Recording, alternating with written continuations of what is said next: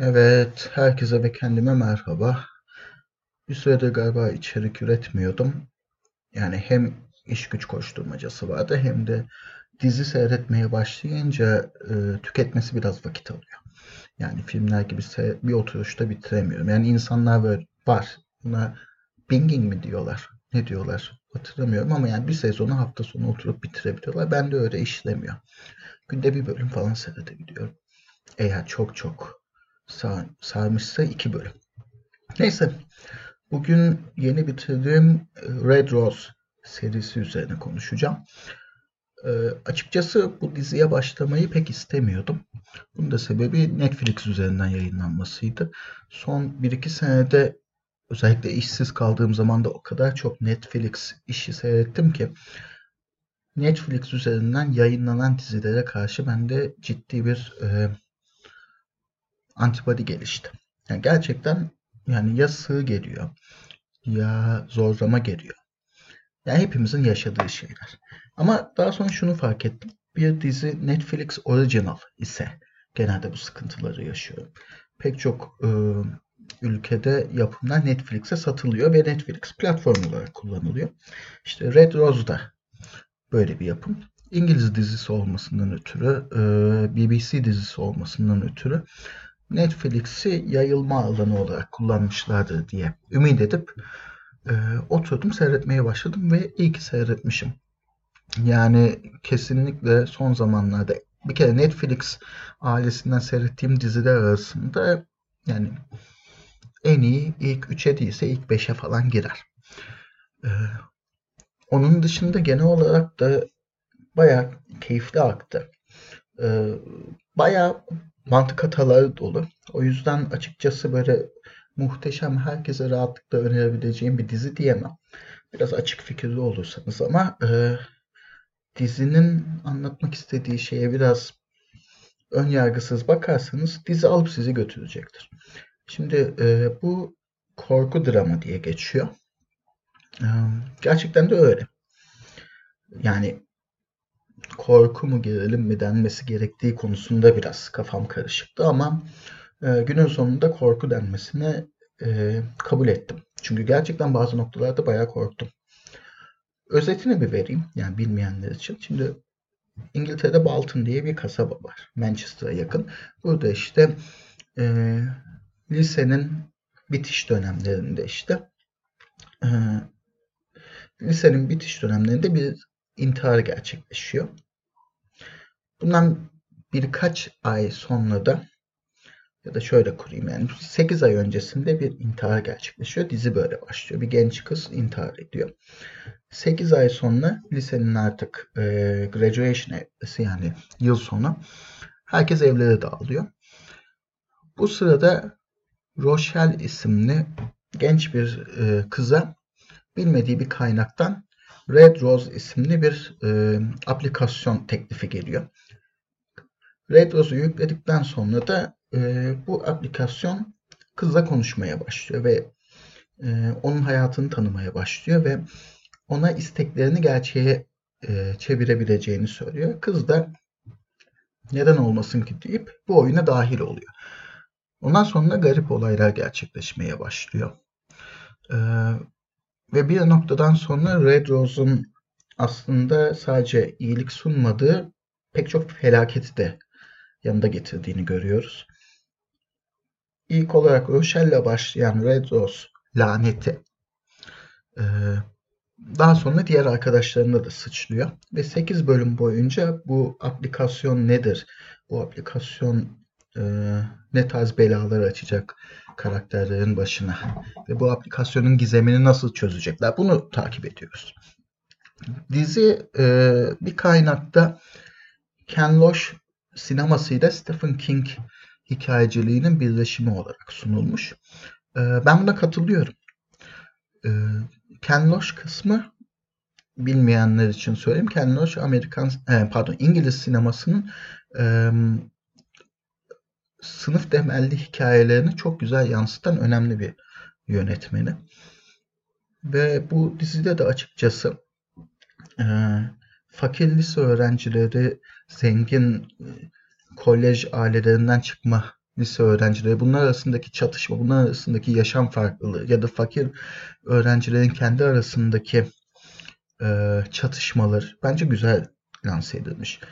Esas karakterimiz gibi, ilk iki bölümdeki esas karakterimiz Rochelle fakir bir aileden geliyor ve onun e, bu konuda yaşadığı rahat rahat da e, ifade edemediği e, ezikliği diye mahcupluğu ekrana çok güzel yansımış. Sadece bu değil. Başka karakterlerin mesela neydi? Anthony karakterinin annesi iç, e, alkolik ve bundan ötürü çok e, çok fazla sorumluluk bitmiş bu karaktere. Ve bundan bir de kardeşine bakması gerekiyor. Onun mesela pek çok ailesinden beklediği sevgiyi, şefkati e, zengin bir aileden bulma, çok ufak sohbetlerde de olsa bulma anı ileriki bölümlerde beni çok etkiledi. Hoşuma gitti. Yani bunlar aslında e, tamamen İngiliz kültürünün sınıf bilincinden gelen güzel doneler. Yani iyi yedirilmiş ve o yüzden kendi hoş benzetmesi yapılmış. Stephen King kısmı ise küçük kasabada geçen e, bir grup gencin gizem çözme hikayecisi olmasından kaynaklanıyor. Yani ilk bölümde mesela ben bunu anlayamamıştım. Ama daha sonra e, taşlar bayağı yerine oturdu. Bu arada dizi e, Instagram hesabımda da belirtmiştim. Şeye çok benziyor.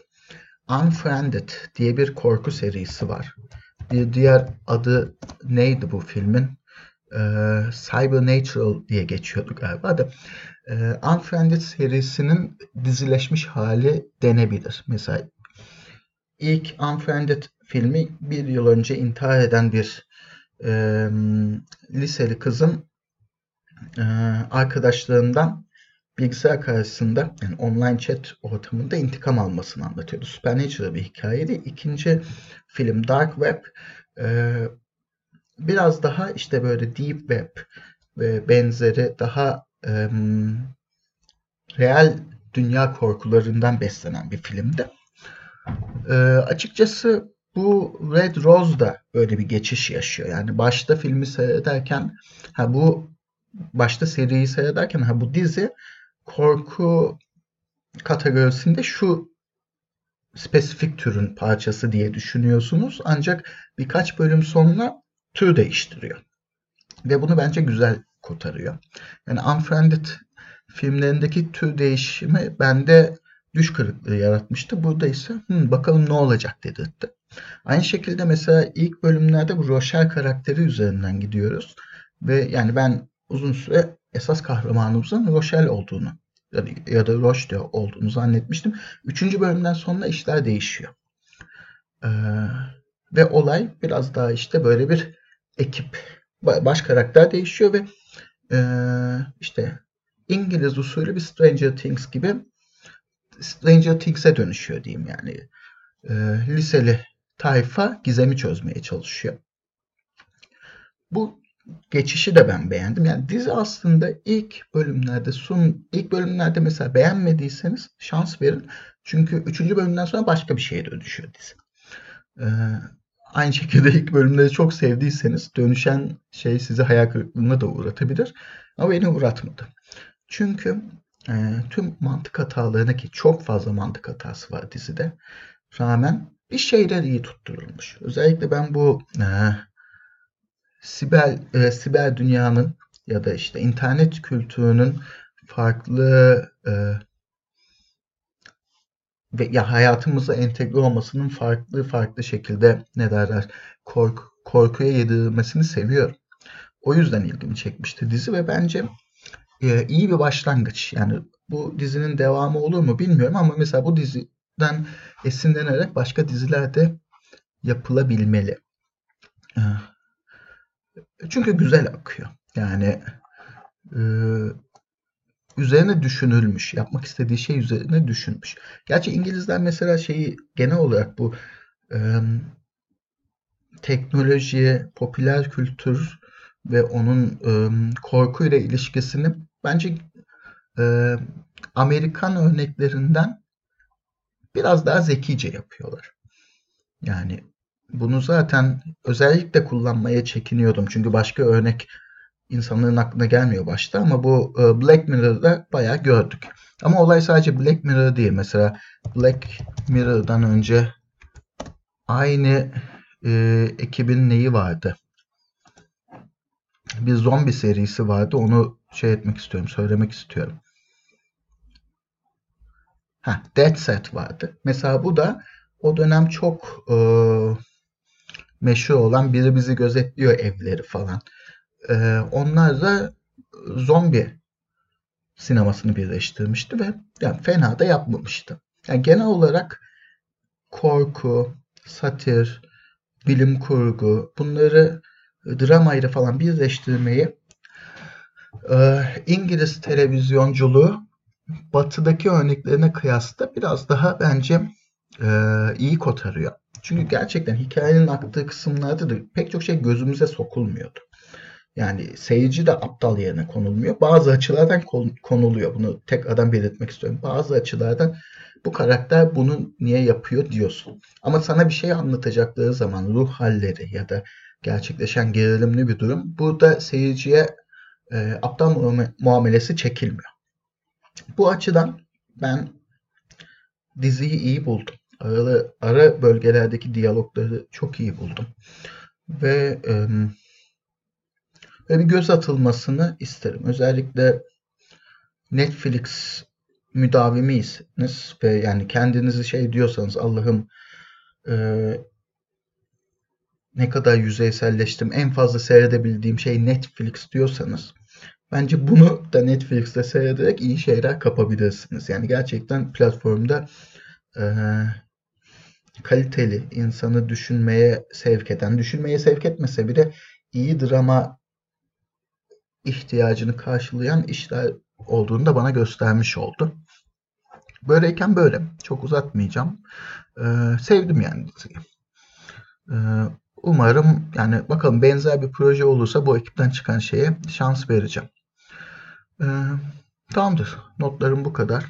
Umarım iyisinizdir. Bunu tekrardan dinleyecek olan kendime de mesajım. Umarım iyisindir. Ee,